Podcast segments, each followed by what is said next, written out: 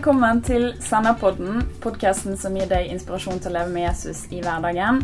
Mitt navn er Hanne Eskeland, og for de av dere som har hørt et par episoder nå, så hører dere at lyden er litt annerledes i dag. Og Det er fordi at jeg er i Trondheim. Og nå sitter jeg her sammen med Tone Rød og Terje Dale. Hei. Hei, hei. Hei, hei. Veldig hyggelig at dere ville ta en prat i dag. Em, I dag så skal vi uh, gjøre noe litt annerledes enn kanskje det vi pleier. Uh, fordi vi skal ha en litt mer sånn uh, alvorlig samtale. Eh, vi skal snakke om sorg eh, og død og det å miste noen. Um, men før vi begynner, så kan dere si litt grann om dere sjøl. Terje, du har vært med i podkasten før, meg. for de som ikke kjenner deg, kan du, du kan bare begynne. Terje Dale. Jeg er slutten av 50-åra, gift med Lise. Har tre barn og seks barnebarn, og bor i Trondheim. Tone? Ja, Tone Rød heter jeg. 34 år gammel. Jeg er gift med Arne Olav, Mhm. og jeg er mamma til tre gutter på 9, 5 og 2 år. Og vi bor i Trondheim, hvor jeg jobber som lege. For de som er litt observante, så husker dere at eh, Arne Olav er redaktør i Sennep. Så Tone er gift med vår redaktør, selveste. Det er jo kjekt. Um, men før jeg begynner å stille masse spørsmål, så tror jeg vi skal begynne med din historie, Tone. Fordi at du har nylig opplevd nettopp det vi skal snakke om, nemlig å miste noen. Vil du fortelle litt? Ja. Det var eh, andre påskedag i fjor. Eh, vi var på påskeferie sammen med min svigerfamilie. Eh, og det fikk en telefon fra mamma. Hun ringte meg og fortalte at søstera mi, Anita, to år eldre enn meg, eh, ikke orka å leve lenger. Så hun hadde tatt sitt eget liv etter å ha vært alvorlig syk av ME i tre år. Mhm. Eh, vi var som sagt på påskeferie. Det var eh, en stor familiesammenkomst. Strålende sol. Det var eh, snøkledde fjell. Det var grilling, og barna lekte, hadde det topp. Egentlig en fantastisk dag. Og så skjer det at du får den beskjeden, som er så brutal og så voldsom. Det er helt ufattelig. Mm, du blir helt i sjokk. Eh, ja. Og vet ikke helt hva du skal gjøre, hvor du skal gjøre av deg. Helt nummen og kvalm og mm. Det verste som kunne skje, eh, skjedde. Og det du egentlig bare hadde hørt ramme andre familier, det var plutselig hadde skjedd i vår egen familie. Mm. Um, og jeg vet jo, Tone, at du, eh, du er kristen og en disippel av Jesus og sånne type ting. Sånn at det er jo litt det vi skal snakke om. Hvordan man eh, som en etterfølger av Jesus med et eh, håp om et liv etter døden og hele det perspektivet eh, Hvordan man forholder seg til å miste noen. Mm. Eh, men eh, hva betydde troen for deg de, den første tiden etter at dette her skjedde? Hvordan, hva var viktig de første dagene, holdt jeg på å si? Eh, ja. Mm, altså sorg det består egentlig av litt forskjellige faser. Eh, Først så er du veldig Når du opplever et så brutalt og voldsomt tap, da, så plutselig, så preges du veldig av sjokket, egentlig, de første dagene. Har det virkelig skjedd? Det føles ut som du kanskje har drømt det. Liksom på sida av deg sjøl og ser alt fra siden. Føles veldig uvirkelig. Uh, som sagt veldig sånn nummenhet og Ja. Uh, I forhold til troen, da, så, så tenker jeg at eh, mange sikkert kan føle på en avstand til Gud eh, når noe sånt eh, skjer, sånn som det her. Eh, hvor var Gud oppi det her? Hvorfor skjedde det her? Man kan føle seg veldig aleine og forlatt. Man kan være sint på Gud. Eh, så noen vil jo sikkert oppleve at hele troen egentlig utfordres. Mm. men ser du på David i Bibelen, så er jo han veldig veldig ærlig med Gud hele tida. Han er sint, han er fortvila, han er eh, helt nede. Men han velger å søke Gud. Og jeg er veldig veldig takknemlig for at det var naturlig for meg å gjøre. Allerede den eh, samme dagen når jeg fikk den beskjeden, så, så hadde jeg bare behov for å gå en lang tur Ja. og be til Gud. Mm. Um, det står mye i Bibelen om å søke tilflukt hos Gud. Og Uh, ja, jeg brukte mye tid i bønn, gikk turer, ba til Gud, satt og, satt og grein, hylte til Gud. Jeg var veldig fortvila. Og veldig, veldig, selvfølgelig veldig, veldig lei meg og ja, sint. Uh, men bare fortalte Gud akkurat åssen jeg hadde det. Og- ja. Det sier veldig mye om betydningen synes jeg, av å få lov å bygge livet sitt på en sånn tro som faktisk holder gjennom alt. At man har det naturlige forholdet til Gud. At det, det er han vi søker, da. Både i gode og i vonde dager. Ja. Mm. ja, selv om du som du sier, du kjente på alle de vonde følelsene, men at du, det ikke var en motsetning til å søke Gud. Mm. Du kan oppleve, eller kjenne på begge deler. Ja. Mm. Mm. Terje, hva er din erfaring med døden, holdt jeg på å si, med sorg? Dessverre så har jeg jo opplevd eh, død og sorg eh, gjennom livet. Når du har levd så lenge som jeg har gjort, 58 år, så har du opplevd den eh, hva skal jeg kalle naturlig død. da, At en, eh, min far døde som 84-åring etter at han ble syk og hadde et langt og godt liv. Det er en sorg i det, men ikke på samme måten som når du er med og, og bærer kista til din bestekamerat til døden, som døde da han var 42 år. Så det, det, er noe helt annet. Det er noe helt annet kamp og smerte i det. Og eh, det er jo en del av det med døden at du Alltid et element av sorg og atskillelse og, og vondt i det, samtidig som det er ekstra vondt og vanskelig når det skjer så brutalt som unge folk, og, og uventa og unaturlig. For det er noe naturlig med døden, selv om det er den siste fienden som Bibelen snakker om, som egentlig betyr at, at vi egentlig ikke er skapt for å dø. Vi har alle slåss imot døden, fordi at eh, døden er en fiende. Eh, Og Bibelen sier vi er kalt til å leve evig sammen med Jesus, og det skal vi få ære for når vi tror på Jesus. Ja. Så er det samtidig en, en, eh, et aspekt av eh, adskillelse og sorg og savn som eh, vi opplever, og som er spesielt sterkt når vi møter det hos barn, ungdom og unge folk. Hvordan, eh, hvordan vil du si at Bibelen snakker om hvordan vi som på en måte kristne med den troen vi har, hvordan vi skal forholde oss til døden? I 1. Korinter 15 så sier jo Paulus veldig tydelig at døden er en fiende. Og eh, det tror jeg vi bare må innse at eh, den fienden er for alle sammen. Og det er ikke noe vi trenger å, å si at døden er godt og døden er bra. Det er en fiende som vi må møte. Og uansett hvor gammel vi er, på en måte. Eh, For det, det ligger en sorg og adskillelse i det.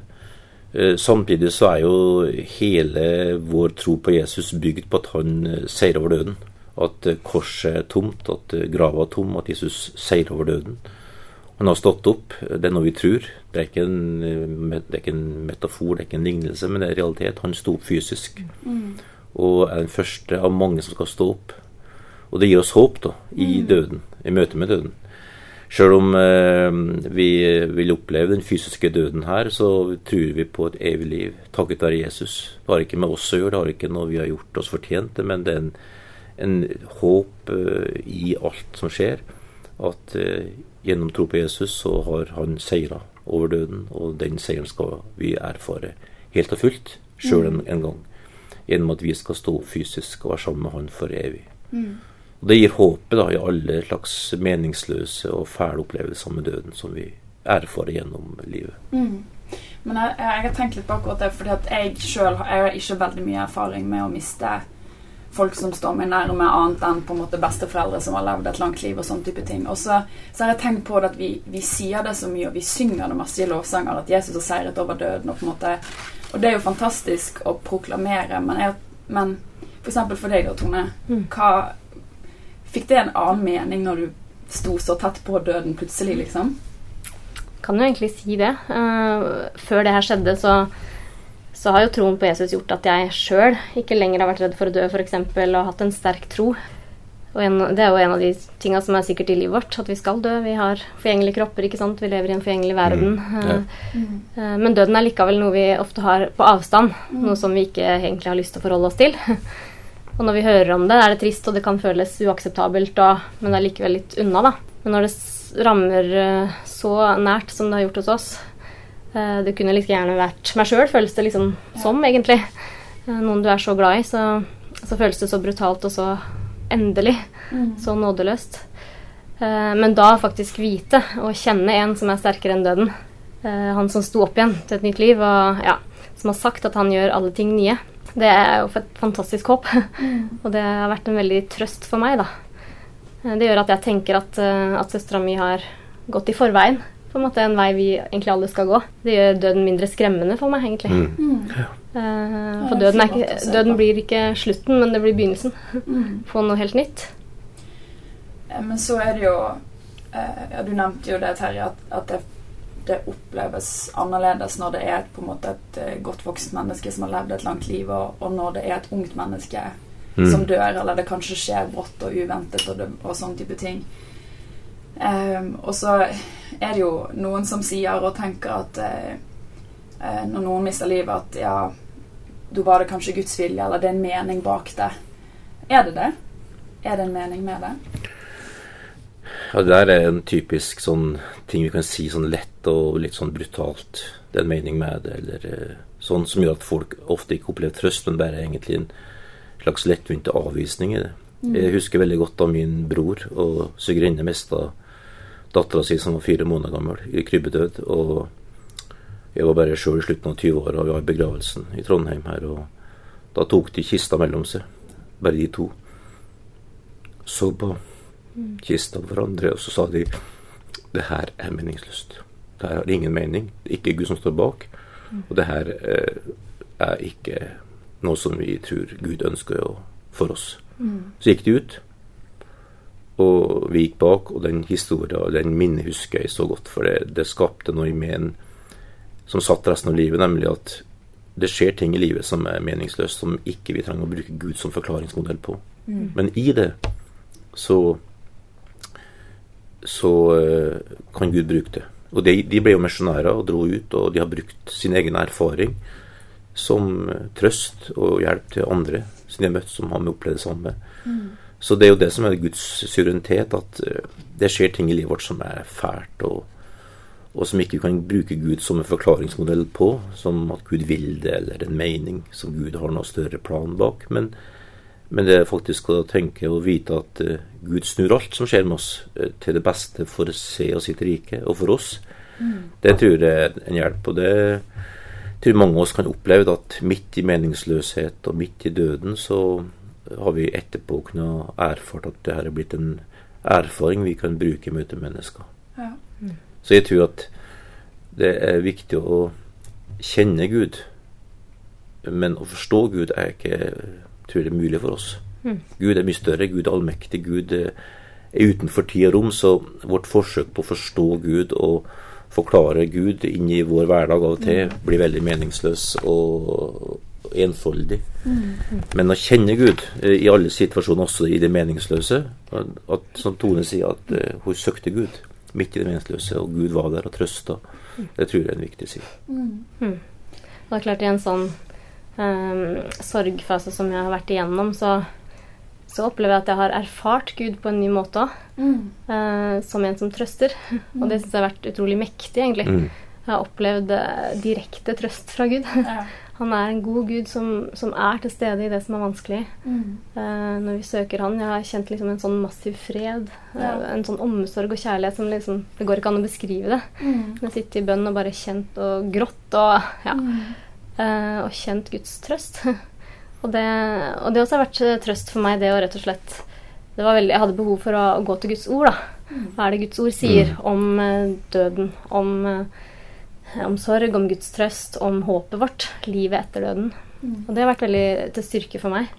Uh, sånn som vers som det står i 2. Korinterbrev 1, 4-5. Han trøster oss i all vår nød, så vi skal kunne trøste dem som er i nød, med den trøst vi selv får av Gud. Mm. For om vi har rikelig del i Kristi lidelser, får vi ved Kristus også rikelig trøst. Mm. uh, og det verset som står i Jesaja 66, 13 her Som en mor trøster barnet sitt, slik vil jeg trøste dere. Mm. Og det syns jeg er utrolig mektig ja. å få lov å erfare ja. Gud på den måten. Mm. Mm. Ja, det er jo sterkt òg at uh, For dette her er jo, det er jo kjente bibelvers for meg òg, og gjerne noe man eh, sier til hverandre, eller kanskje man tenker sjøl når man er i mm. situasjoner som er langt mindre krevende enn dette her. Men da er det så sterkt å høre at det blir bare mer og mer reelt jo tyngre det er. Mm. Man klarte å se Tones vandring her, både med å være åpen og dele åpen hvordan hvor vondt det var, hvor smertefullt det var. Mm. Og samtidig se hvordan du har Tone levd med Gud i det her, gått til Gud. Og tatt vare på ditt eget liv med Herren og med søsken og familie har vært utrolig sterkt for meg å se også. For det er klart det har vært en, et beintøft år, men du har levd åpent og ærlig med Gud og, og, med dine venner og familie. Og ikke late som, men samtidig vært reell. Og det har vært eh, forbilledlig. Så det har vært fantastisk å se. Som sagt, bare utrolig takknemlig for at vi har, har den troen i livet vårt. At Mm. Gud er med i livet vårt uansett hva som skjer. Ja, ja. Eh, og ikke minst også at vi er en del av Vi er så heldige at vi er i en fantastisk menighet her i Trondheim, som vi også har erfart Ja. eh, som en utrolig trøst og styrke i alt som har skjedd, da. Ikke stå alene med sorgen. Ja, det har vært eh, helt eh, uvurderlig, altså. Eh, I den første tida, når det sjokket kommer over deg, du, du klarer ikke å gjøre nesten noe som helst. Eh, det verste nesten de første ukene syns jeg var å lage mat, faktisk. Helt sånn Mm. praktiske ting. Jeg følte meg helt handlingslamma og helt ute av stand, egentlig. Mm. Eh, menigheten vår organiserte seg. De kom med middag på døra hver dag Wow. den første uka. Mm. Det kom eh, poser med bakevarer og matvarer og ja, godsaker til guttene, liksom. Det var helt fantastisk, og det er en praktisk omsorg. Mm. Det kom folk fra menigheten hjem til meg og tørka støv. Vaska vinduer. Ja. Helt sånn praktisk, fantastisk hjelp. Mm. Og det betydde utrolig mye. Folk Ja. kom og ringte på, bare kom og ga en klem. Sånne helt enkle ting trenger ikke å si så mye, egentlig. Men bare være der og kjenne at man har en hel familie. Mm. Jeg blir veldig rørt når jeg tenker på det. Ja. Men jeg tror det der også er en eh, hjelp for oss som ikke er direkte berørt. Og de ønsker å stille opp, men så er ikke den der lange samtalen alle kan ha. Men det å komme med en pose rundstykker og en middag på døra Ja. som du kan få bidra med, tror jeg faktisk betyr noe for det, og dere som er i sorg, og for oss som er rundt, og få erfare at vi kan bety en forskjell. Selv om det er veldig praktisk og litt sånn prosaisk, så er det veldig, veldig sånn hjelp altså, for Ja. å stå sammen og få bety den lille forskjellen som vi sammen kan gjøre da, i Ja. sånne faser. Mm. Ja, for jeg kan kjenne meg veldig igjen at eh, at eh, man eh, blir veldig usikker på hva man skal si til Ikke noen? Ja. eh, som står midt i det. Og så Mm. er man kanskje så redd for å si noe feil Mm. at man heller lar være. Mm. Og det, ja, eller det du sier, det er kjempeviktig, og viktigheten av at folk rundt Ja, at man slipper å bære det alene, da. Mm. Det tror jeg Jeg tror de aller fleste i en sånn situasjon setter veldig pris på omsorg og, og støtte uansett. Det trenger ikke være så mye, men det kan være en liten tekstmelding eller en snap bare, liksom. Eller Mm. det kan være å finne på noe bare for å få fokus på noe annet lite Ja. grann. Eh, bli med ut på kino eller ja. gå en tur eller hva som helst. Det er ulike behov. Ja, Mm, ja, mm. bra. Bra tips. Mm. Jeg hadde også veldig behov for å snakke den første tida. Bare sette ord på ting. Eh, prate. Så vi uh, samla en gjeng med venninner, og jeg fikk bare snakke sammenhenger uten, uten å bli avbrutt. Liksom, De var, var der bare og hørte på. Ja. Snak- fortalte igjen og igjen hva som hadde skjedd, liksom, bare for Ja. å gå gjennom det. Og det var veldig terapi for meg. Ja. Mm. Og en del av de venninnene mine eh, kom både fra Bergen og fra Trondheim ned til Oslo i begravelsen. da. Ja. Eh, bare for å være med på den og dele den dagen med Mm. meg. Og det var også utrolig eh, stor betydning for meg. For det er noe med å komme tilbake igjen til Trondheim, og så, uh, så har de også vært der. De har Ja. opplevd det samme. De Mm. har uh, delt den dagen. De har ikke vært aleine om det. Mm. Eh, det betydde veldig mye for meg. Ja. Mm. Men jeg tenkte vi skulle snakke litt mer om sorgen i seg sjøl. Hvordan vil du si, Tone, at sorgprosessen var? Eller hvordan opplevdes det? Ja, eh, jeg nevnte litt tidligere at sorg har jo ofte litt forskjellige faser. Mm. Eh, når det kommer så brutalt og plutselig, et sånt tap, så er man jo ofte i sjokktilstand først. Eh, jeg følte meg veldig nummen. Helt sånn, som sagt, handlingslamma. Jeg kunne ikke jobbe på lenge, f.eks., for, eksempel, for jeg følte meg helt ute av stand. Da klarte ikke å konsentrere meg. Mm. Eh, ofte kan man få søvnvansker, ikke sant. Man glemmer å spise. Måtte bestemme meg for å spise etter klokka. Ja. For å bare ta vare på meg sjøl, rett og slett. For man blir helt utafor. Så i begynnelsen var det rett og slett det sjokket. Um, og så går det mer og mer over i den her fortvilelsen. eh, den der veldig vonde sorgfølelsen, da. Du blir veldig, veldig trist. Eh, klart det, det kan være forskjellig hvordan folk har disse fasene og de prosessene å gå gjennom, men eh, Og nå er det jo mer over i en sånn veldig savn. Ja. Savnet kommer sterkere og sterkere i forskjellige Uh, ikke sant, uh, forskjellige episoder og hendelser som er i løpet av livet vårt. Skulle ønske hun var med. Ja. Uh, ja. Mm. det er artig. Savner en søster. Ja. Sånne ting. Og det vil jo alltid være der. Savnet vil jo være sterkt alltid. En sorg vil jo aldri forsvinne sånn, den delen av det, da. Mm. Selv om selve det sjokket og den vonde, vonde sorgen på en måte fader mer og mer, så, så er jo savnet der alltid. Ja. Mm. Det er den. Og klart, jeg tror det er litt viktig å Uh, Husk at det er ikke noe fasit på det å sørge. da. Jeg tror man kan få utløp for sorgen på forskjellige måter. Mm. Det tror jeg er et viktig poeng uh, i en familie òg, at man Mm. gir hverandre rom til å sørge. Mm. Eh, For sin egen del også tror jeg det er viktig å ta tid til å sørge for Ja. å komme seg videre. For i det hele tatt kunne komme videre. Rett og slett akseptere det som har skjedd. Ikke si at det er akseptabelt, liksom, eller Nei. at det var en mening med det, som vi snakka om. Men, men akseptere det faktum at ok, det har skjedd. Mm. Jeg kan ikke gjøre noe med det. Eh, og det vil alltid være en del av livet mitt. Men jeg må velge å leve videre. Jeg må velge livet, rett og slett, Mm. videre. Og Mm. Det blir en sånn reorientering i livet videre. Vi Ja. må finne en ny, ny vei, da. Og vi opplevde også i vår familie vi har, altså, Man kan ha ulik måte å sørge på. Noen har behov for å snakke masse. Mm. eh, og kanskje ta imot masse profesjonell hjelp. ikke sant? Vi hadde Ja. et kriseteam inne. Mm. Snakka litt med psykologer, sånne ting. Men andre har kanskje ikke det behovet. Og det er, det er ikke sikkert det er riktig for de. Kanskje noen har behov for å være mer aleine Ja. og deale med sorgen på sin egen måte. ikke sant? Eh, og bare gi rom til hverandre. Og man kan sørge i utakt også. Noen kanskje går litt fortere fram enn andre. Mm. Ja, Gi hverandre tid. da. Være rause med hverandre i en sånn situasjon. Ja. Eh, og så er det viktig å huske på at det er veldig normalt å ha masse forskjellige følelser. Eh, man kan jo som sagt være fortvila, man kan oppleve angst, Ja. rett og slett. Mm. Sinne. veldig utmattelse. Man kan ha søvnløshet, ikke sant. Mm. Mareritt og drømmer. Kanskje mangel på glede lenge. Eh, jeg blei overraska over at jeg var så sint. Eh, Ja. Og det kan jeg få sånne opplevelser ennå. Liksom sinne. Jeg har aldri hatt sånn raseri inni meg liksom, som jeg har hatt Mm. etter, den, etter det som skjedde. Så det var, ødela faktisk vaskemaskinen. Du må ta litt utløp. ja. Nei, altså. Men det er bare, jeg tror det er viktig å bare ha sånn rom for at det er mye som er no innenfor normalen. da. Ja. Og det er normale reaksjoner på en voldsom og unormal situasjon, på en måte. da. Eller sånn, ja. Mm. Eh, etter noe som har vært ekstremt. Mm. Mm. Sånne sterke reaksjoner er jo normalt inntil to år faktisk etter en sånn Ja. hendelse. Så det, Ja. man får være litt tålmodig med seg sjøl òg. Jeg tror det er kjempeviktig poeng du sier at det, det er ikke noe fasitsvar på sorg. Eh, så tror jeg også at eh, mange blir overraska over sin egen reaksjon. For de, de kommer fram sida ved sitt eget liv som ikke de hadde, visste de hadde. Du, snakker om sinne.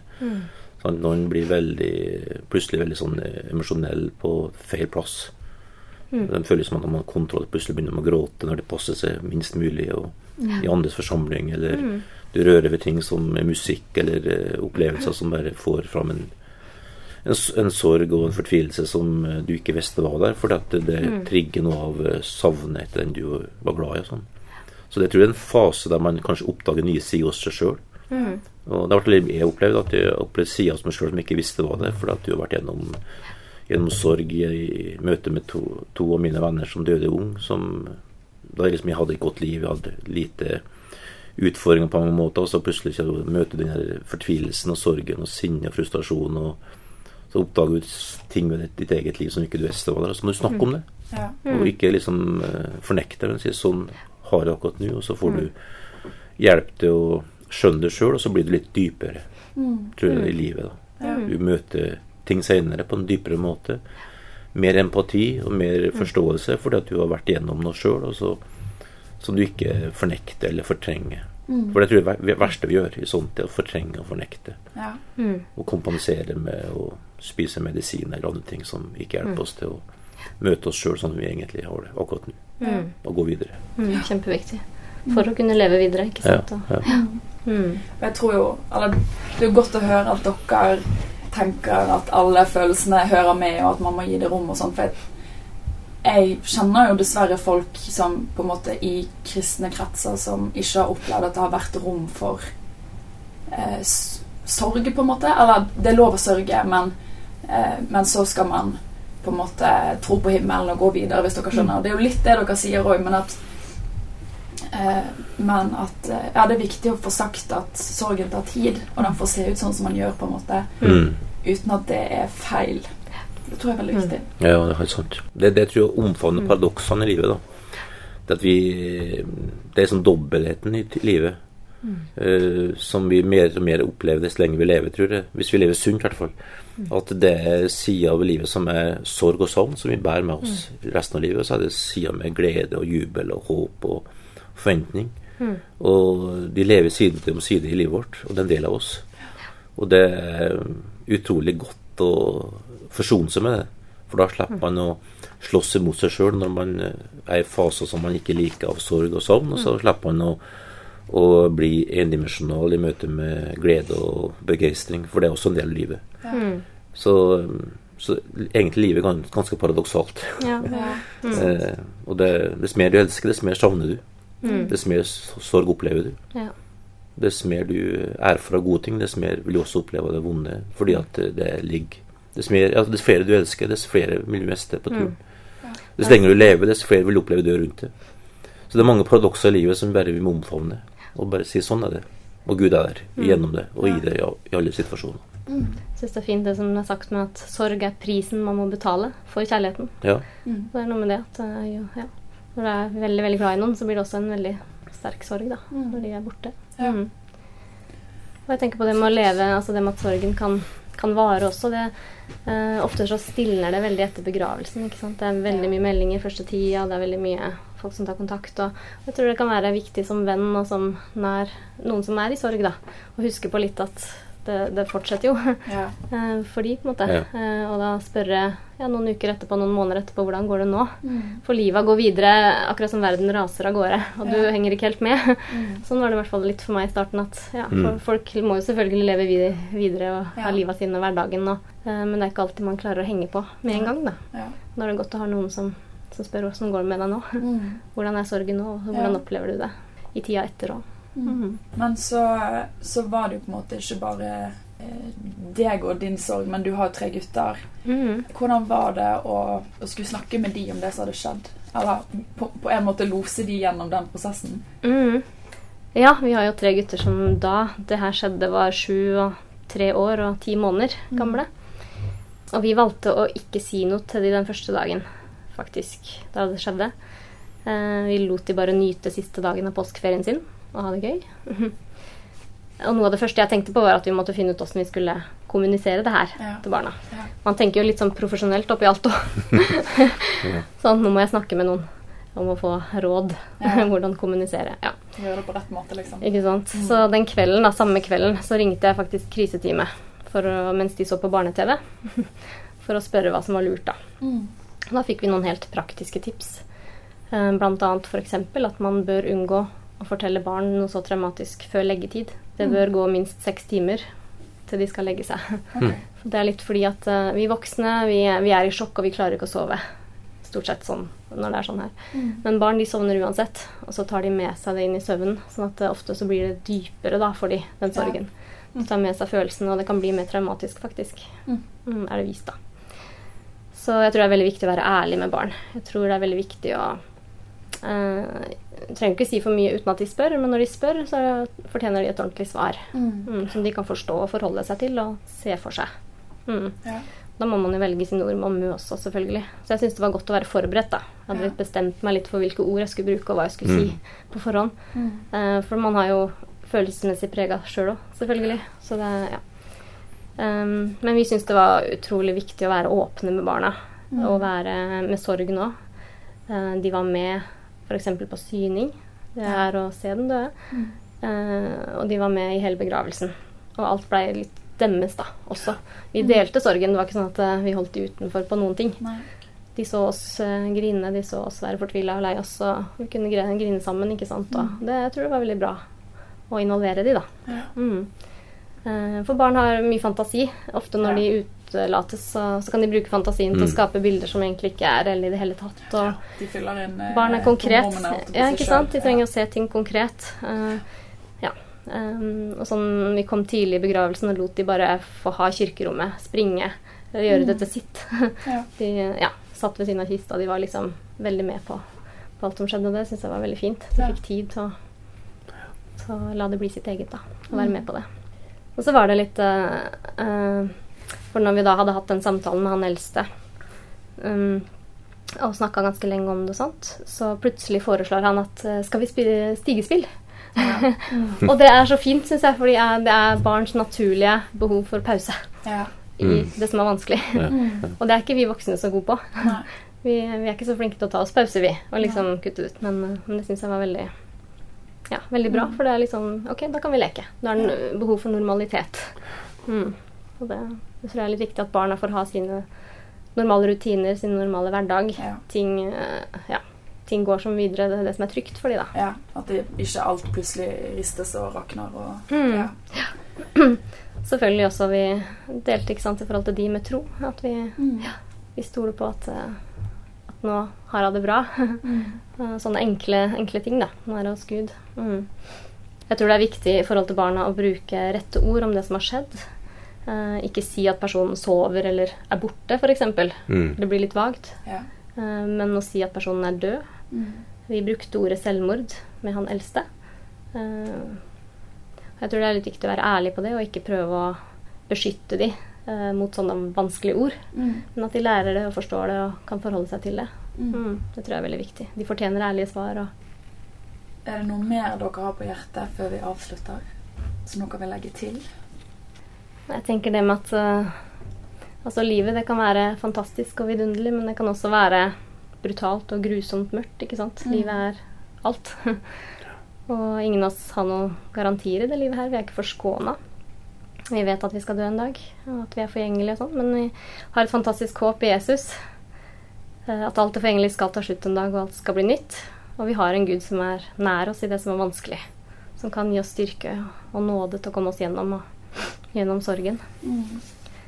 Eh, det sies jo liksom at tiden leger alle sår, men jeg tror, eh, jeg tror ikke det stemmer alltid heller. Men jeg tror det blir lettere ettersom tida går. Jeg tror tida er på vår side i forhold til sorg, da. Ja. Eh, og at etter hvert så kommer du til å kjenne at ja, hverdagen går litt videre. Du kommer mer og mer i stand til å kunne gjøre det du skal. Mm. Eh, og etter hvert så kjenner du at åh, du, har, du har ledd litt, du har smilt litt, du har kjent på glede. Mm. Du kan nyte livet. Eh, jeg kjenner meg veldig takknemlig over livet. Vi er heldige som får leve, Mm. tenker jeg. Og vi får, vi får lov å være til. Vi, vi har mye å være takknemlige for, og i, uansett åssen situasjonen er, da. Mm. Uh, og jeg tenker Jeg vil savne søstera mi selvfølgelig hele livet, men jeg vil leve, og jeg vil ta med meg de gode minnene Mm. videre. Mm. Jeg vil uh, at hun skal være med i tankene våre ikke sant, i alt vi gjør, og har lyst til å fortelle guttene alt om henne, ikke sant, og sånne ting. Og, ja. Og så lenge vi lever, kan vi bare gå all in i livet, tenker jeg. På å være der vi er, i de oppgavene vi har, de menneskene vi har rundt oss. Mm. Nyte livet og glede oss over det vi har. Så står det i Bibelen vi kan være lys og gi videre det vi har fått. Mm. Den troen og det håpet vi har. Det er jo helt fantastisk. Ja, Det var fin innstilling. Jeg oppfordrer til det. Ja. Og så tror jeg at det, det blir så tydelig for meg i møte med døden at eh, evangeliet om Jesus sin seier på korset over døden er sterke saker som tåler møtet med alle ting. Det er ikke noe sånn uh, vi trenger for høytider og for spesielle anledninger, men det er et hverdagstro som er robust og tåler alt. Også det smertefulle med død og, og adskillelse. Og at det kan vi ta med oss i møte med livet, og ikke late som, men faktisk leve fullt ut, som du, Tone, sier. Og virkelig være ha robust tro, da. Også det vi ikke forstår. Men vi kjenner Han som er her over døden, og vi kjenner Jesus, og det gjør at vi kommer gjennom det. Og så kan vi leve med et håp som ikke bare er en sånn sutteklut, men faktisk gir oss en motivasjon Ja. for å leve som du sier, maksimalt mens vi er her. Gi evangeliet videre og involveres mennesker. Ikke skygge unna vanskelige ting. Ikke skygge unna når man opplever døden. Involvere oss, være til stede. Og faktisk erfare at eh, evangeliet er Guds kraft til frelse og Guds kraft til å hjelpe i alle situasjoner. Mm. For det gir oss eh, muligheten til å være enda mer medmennesker og enda mer reell Ja. og livsnær i hverdagen rundt oss. Mm. Og bære på den, det håpet og bringe det videre i en verden som blir mer og mer eh, opptatt av her og nå, og som blir enda mer håpløs i møte med død.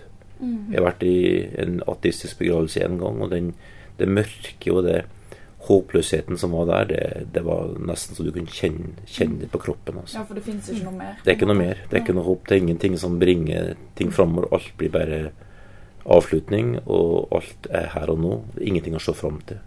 Så kontrasten da, for oss som tror på evangeliet, er enorm, og vi har grunn til å være frimodige og heve Jesu budskap om seier over synd og død høyt opp, og samtidig leve til stede uten å bli overfladisk og, og bare øh, ikke livsnær. Mm.